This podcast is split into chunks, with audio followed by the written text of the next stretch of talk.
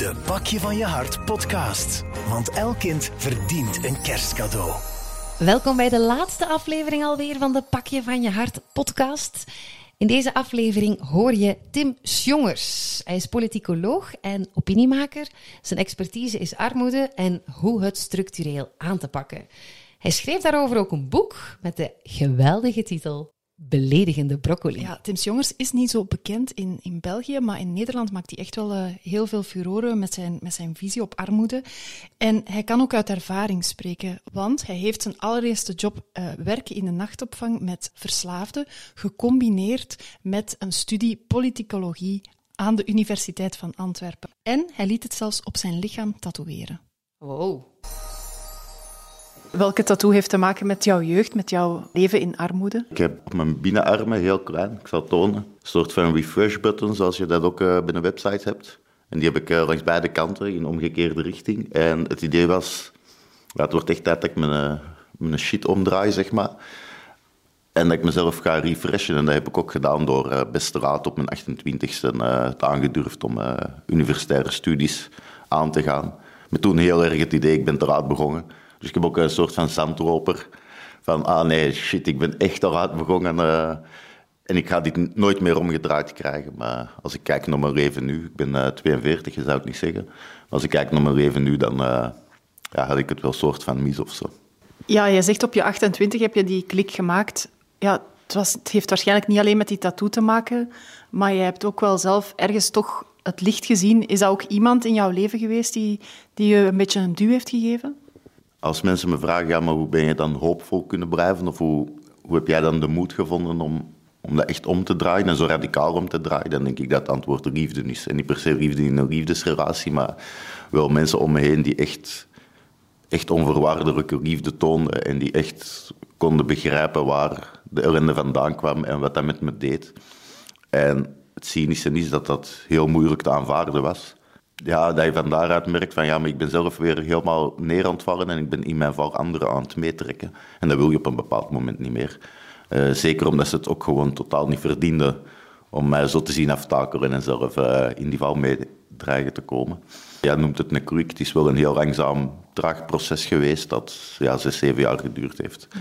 Voor ik daar echt, uh, voor ik het echt omgedraaid had, zeg maar.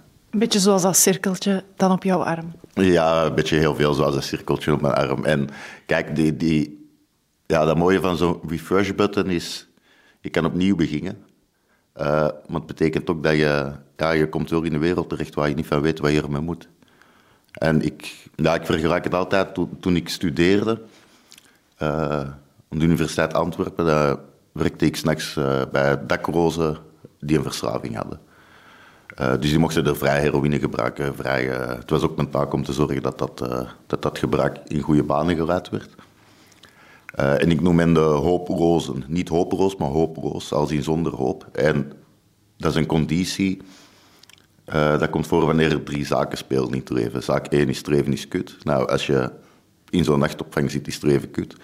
Twee, simpele doelen stellen, dat gaat niet meer. Nou ja, als het volgende doel in je leven een shotje heroïne is, dan zit je daar wel. En conditie drie is dat, dat zicht op de toekomst ook kut is. En als die drie samenkomen in een leven gedurende lange tijd, weten we dat dat een heel goede voorspeller is van uh, suïcide, verslaving, criminaliteit en noem maar op. Dus uh, dat weten we. Uh, maar het was van die nachtopvang, dat was nachts, overdag naar de Universiteit Antwerpen. Zeven minuten fietsen en dan kom je in de wereld van de hoopvolle terecht. Waar het er even niet kut voor is, ja, die zitten op kamers in Antwerpen, superleuk. Uh, die wel doelen hebben, want ja, zijn gewoon, uh, ja, ze gaan gewoon een universitair diploma halen. En ja, het zicht op de toekomst is fantastisch, want het worden de beleidsmedewerkers uh, en de politici van morgen. En dat heeft me altijd echt wel die afstand van die zeven minuten fietsen van hoopvol naar. Nou, dat is ook een afstand die ik in mezelf heel erg gevoeld heb. En ik denk dat in die analyse ook, als we het dan over armoede hebben en hoe we dat bestrijden, daar ook een van de grootste problemen die naar voren komt. Dat, dat het slechts zeven minuten is op de fiets om twee verschillende werelden te ontdekken, maar dat die twee verschillende werelden elkaar helemaal niet meer ontmoeten. En dat het uiteindelijk toch de hoopvolle zijn die uh, zullen domineren over de hooploze, zonder te weten hoe die mensen hun leven eruit zien. En dan krijg je beleid, dan neem je beslissingen die die mensen niet ten goede komen. Vanaf dat moment wist je van, ik wil ook ja, druk zetten op dat beleid? Ik heb eigenlijk altijd in de, in de horeca gewerkt.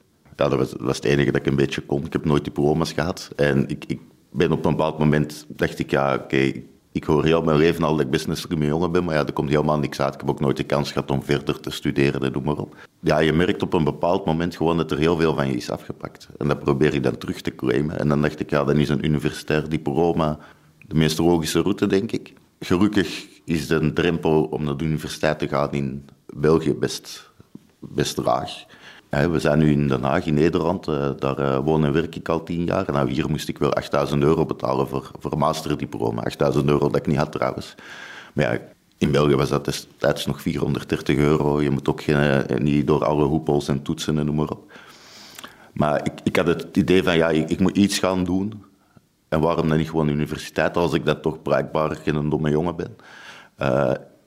En ja, dan, dan gekozen voor iets wat mij het meest frustreert, en dat is uh, politiek en beleid. Ja. En daar wou je echt voor gaan, om daar toch proberen jouw steen dan te verleggen? Ja, zeer zeker. Kijk, en dat, ja, ik heb politieke wetenschappen gestudeerd op Antwerpen, en ze zeggen dat vaker, hè, van ja, maar Mensen studeren vaak uh, dat thema waar ze het meeste problemen mee hebben. Nou, voor de sociologen onder ons is dat redelijk problematisch, want die bestuderen de mens. Uh, voor de communicatiedeskundigen onder ons is dat ook redelijk uh, problematisch. Hè. Maar, en ik denk dat daar ook wel... Kijk, ik heb altijd gedacht, ja, maar die politiek is toch onzin. En zo tegelijkertijd, alles is politiek. armoedebestrijding is politiek, maar evengoed de, de prijs van een pakje melk is politiek. of er woningen voldoende zijn, alles is politiek gewoon. En het politiek is vaak ook heel persoonlijk. En van daaruit wel echt, ja, ook de, wel heel snel het idee gehad van, nou, ik begin de wereld ook wat beter te begrijpen door die studies politieke wetenschappen. En wat je dan merkt is dat, ja, dat is typisch aan een universiteit, dat is nou net de wereld van de hoopvolle. En als je daar als hooproze of ex-hooproze naar kijkt, ja, dan, ja, dan kan je de analyses uh, vaak net wat verder brengen. Omdat je dan heel veel ervaring meebrengt die de meerderheid van die mensen daar niet heeft. En hoe is dat dan? Je noemt jezelf een hoop, hopeloze naar de hoopvolle. Hoe is dat dan als, om als hopeloze in die hoopvolle wereld terecht te komen? Had jij dan ook meteen al direct het zelfvertrouwen van, van ja, hey, ik ga het hier eens zeggen hoe het moet? Mm, nee. Kijk, ik... Uh tegenwoordig is het een happening om van uh, klassenmigranten te spreken. Hè? Dat je migreert tussen twee, twee sociale klassen, of van de ene sociale klasse naar de andere migreert. Of dat je zogezegd uh, maatschappelijk stijger bent.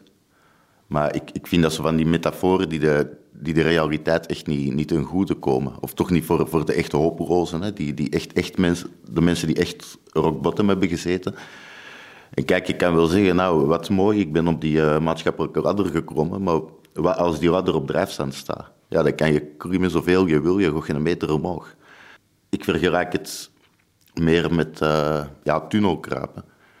En op die metafoor ben ik zelf veel gekomen van, ja, het is gewoon een heel lange donkere tunnel en je voelt gewoon bij alles waar ik vooruit ga, laat ik iets achter en dat ga ik nooit meer terugvinden.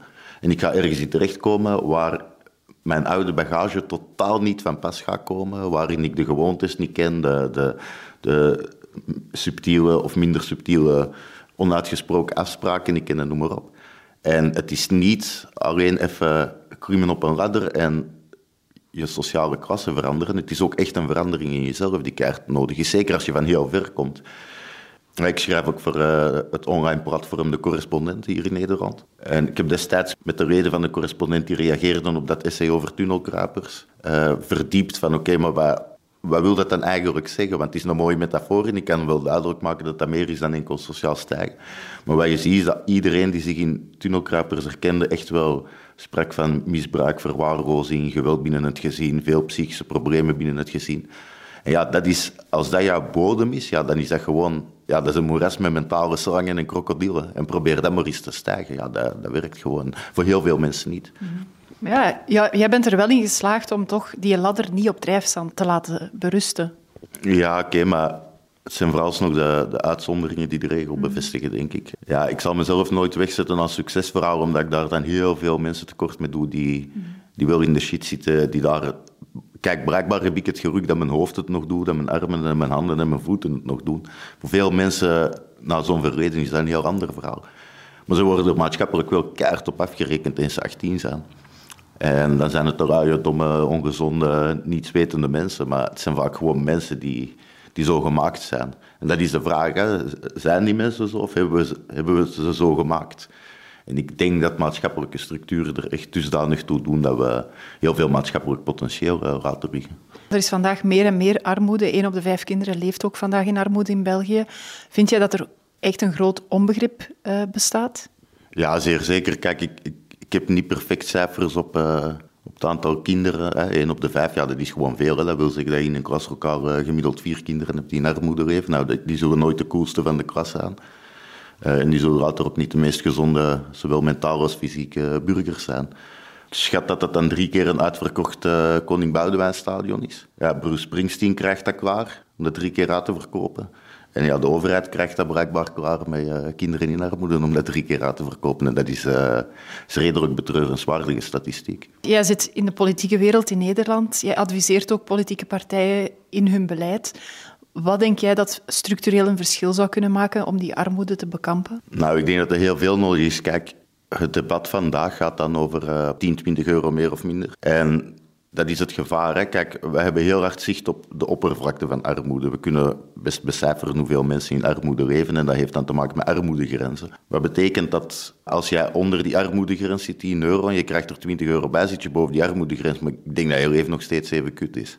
Die 10 euro of die 20 euro gaat dan niet veranderen. Beleidsmatig kom je wel niet meer in die statistiek voor. Dat is die oppervlakte van die armoede, daar hebben we zicht op. Dus we hebben wel zicht op hoeveel mensen arm zijn, maar we hebben veel minder zicht op wat armoede met mensen doet en hoe die mensen hun armoede ervaren.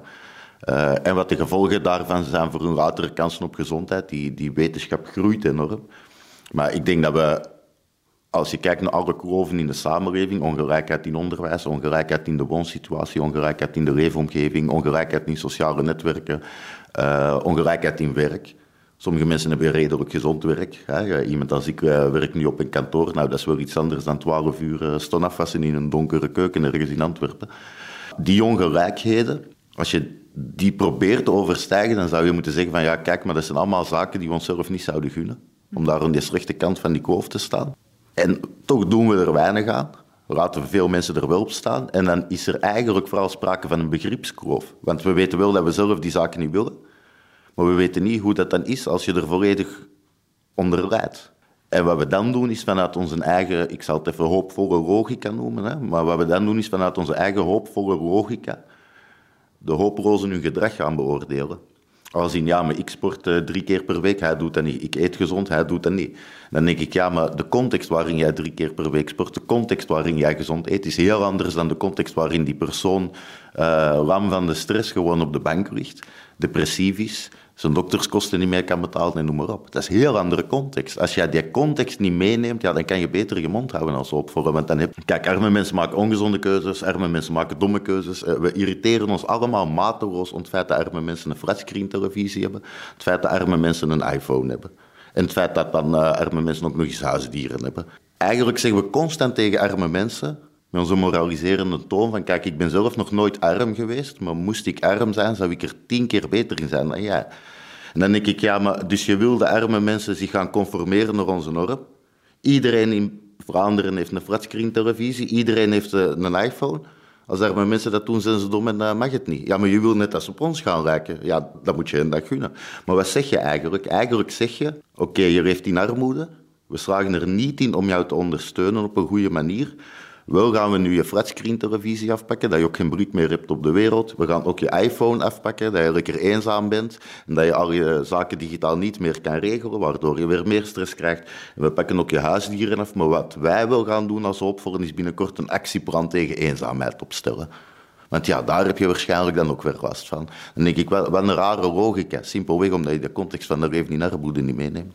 En wat zou de oplossing zijn mocht je die context wel meenemen? Ik denk dat we met, dat we met veel meer begrippen naar mensen in armoede zouden, zouden kijken. En ik denk dat we veel sneller zouden realiseren dat structuren er echt toe doen. Dat er heel veel mensen zijn die heel hard werken en daar niet meer rondkomen. Kijk, als jij als politicus tien jaar op televisie zit te verkondigen, hard werken loont, dankzij hard werken kom je er vooruit. En je werkt heel hard en je komt niet vooruit, ja, dan ben je al tien jaar fake news aan het vertellen tegen die mensen. Hè? Dat is tien jaar fake news. Zo simpel is het. En ja, dat je dan een afstand krijgt en dat die mensen dan op extreme gaan stemmen, ja, ik zou daar niet meer van schrikken. Je bent die mensen gewoon iets ontwijs maken. En, je en het is omdat jij het dan zo gezegd gemaakt hebt, dat iedereen het kan maken. Maar we kunnen ook niet willen dat iedereen het kan maken. Want ja, dan is iedereen politicus of bestuurder. Ja, dat gaat ook niet. We hebben ook mensen nodig die werk moeten doen dat anderen niet willen doen. Dus ik denk vooral veel meer met begrip uh, creëren en dat we structuren ogen krijgen die erom doen. Uh, wat we ook zeker zouden kunnen doen, volgens mij, is als je nou kijkt, een alleenstaande moeder met twee kinderen, ja, dat, dat, dat is per definitie een armoederisico voor de kinderen. Heeft hij toevallig 10.000 euro schuld, dan zit hij in armoede. En dan denk ik, ja, maar je zou die 10.000 euro zou je toch gewoon kunnen opkopen. Laat hij dat 30 jaar met een tientje per maand, hè, 10 euro per maand afbetalen. En je neemt heel die kinderarmoede onmiddellijk weg bij die vrouw. En dat zijn heel kleine ingrepen. Maar ja, wie schuldig is, die moet boeten. En boetedoening maakt vrij of zo. Een of ander achterlijk idee. Nou ja, daar geloof ik helemaal niks van. Dus ik denk dat we heel veel dingen kunnen doen. Maar dat we vooral moeten kijken in wat we doen. En dat zie je nu met heel veel initiatieven. Dat we wel moeten zorgen dat we die mensen niet nog meer onder druk zetten. Mm en want voor je eten moet je naar daar. Voor je kledij moet je naar daar twintig keer naar de gemeente voor een formulier en noem maar op. Want ja, digitaal gaat niet. Als je dan de gemeente belt, heb je een wachtlijst of heb je een bieptoon. We zetten mensen die in armoede leven zo nog meer onder druk. Terwijl ik zelf, en ik denk dat dat is wat ik mensen in armoede zou gunnen, maar ik zelf kijk als ik... Ik behoor tot de outsourcingsklasse. Als ik shit heb, dan source ik mijn shit uit. Ik kan een belastingadviseur inhuren, ik kan uh, een aankoopmakelaar, hypotheekmakelaar, een advocaat inhuren. Als ik niet, niet wil uh, koken, ja, dan doe ik gewoon uh, via een app bestel ik eten. Wij sourcen onze shit uit. Mensen in armoede kunnen dat niet. En die moeten dan iedere keer, als ze iets willen, bewijzen of ze nog wel arm genoeg zijn en of het wel zielig genoeg is en noem maar op. Ja, we, we zetten ze zo nog meer onder druk, maar we vernederen ze ook uh, enorm hard op die manier. Ja, ik voel ook bij u wel zo'n soort van uh, boosheid drive, hè, om, om het, toch, het systeem toch wel wat te kunnen veranderen. Hè? Ja, als, als je als je hier niet woedend van wordt, constructief woedend moet ik zeggen, als je hier niet woedend van wordt, ja, dan, dan ben je blind. Hè? Dan heb je echt iets niet begrepen. Dan heb je echt iets niet begrepen. En kijk, ik, ik denk dat het bijna een burgerplicht is hè, om, om hier gewoon woedend van te worden. Simpelweg omdat ja, we, we doen mensen echt wel dingen aan waar we zelf niet van zouden willen dat het onze eigen kinderen aangedaan wordt. En als je er met die bril naar kijkt, ik heb geen kinderen, maar als je er met die bril naar kijkt, dan kan je die toch niet oké vinden. Dan kan je het gewoon niet oké vinden. En we zijn heel hard meegegaan in, ja, in zo'n meritocratisch geloof. Hè. Vroeger had je een meritocratisch ideaal en nu heb je een meritocratisch geloof. Kijk, dat ideaal dat is heel simpel. In een koers, de eerste die krijgt goud, de tweede krijgt zilver, de derde krijgt brons, de rest krijgt een bloemetje en een handdruk, volgende keer beter. In het meritocratische geloof ja, is nog altijd de eerste goud, de tweede zilver, de derde brons. Maar dat bloemetje en die handdruk, dat doen we niet meer. Nee, we lachen ze uit, want jij had maar wat harder moeten fietsen. Die met goud zal niet zeggen dat hij de beste coach heeft. Die zal niet zeggen dat hij op de beste fiets zit. Die zal ook niet zeggen dat zijn ouders uh, al sinds zijn vijfde heel het land rondrijden om hem te laten trainen met de fiets in Dardenne en noem maar op. Nee, die gaat wel alleen zeggen, ja, maar ja, ik heb hard gewerkt. Mijn succes is mijn verdienste. Jouw niet-succes hebben is jouw eigen verdienste. Ja, dat is gewoon onzin. Zeg Tim, uh, hoe zou jij uh, dit gesprek in een tattoo samenvatten? Nou, dat is een heel goede vraag. Uh, dit gesprek in een... Nou, daar heb ik eigenlijk al een, een tattoo van. Wacht, ik zal het tonen. Ja, laat eens zien. Het vraagteken. Ja, echt, what the fuck is this world gewoon. Oké. Okay. Waarvan akte. Dank u wel voor dit gesprek. Graag gedaan, heel graag gedaan. Doe ook mee met Pakje van je Hart en schenk een kerstcadeau aan een kansarm kind in het Joe Christmas House in Antwerpen, aan onze pakjestruk of op pakjevanjehart.be.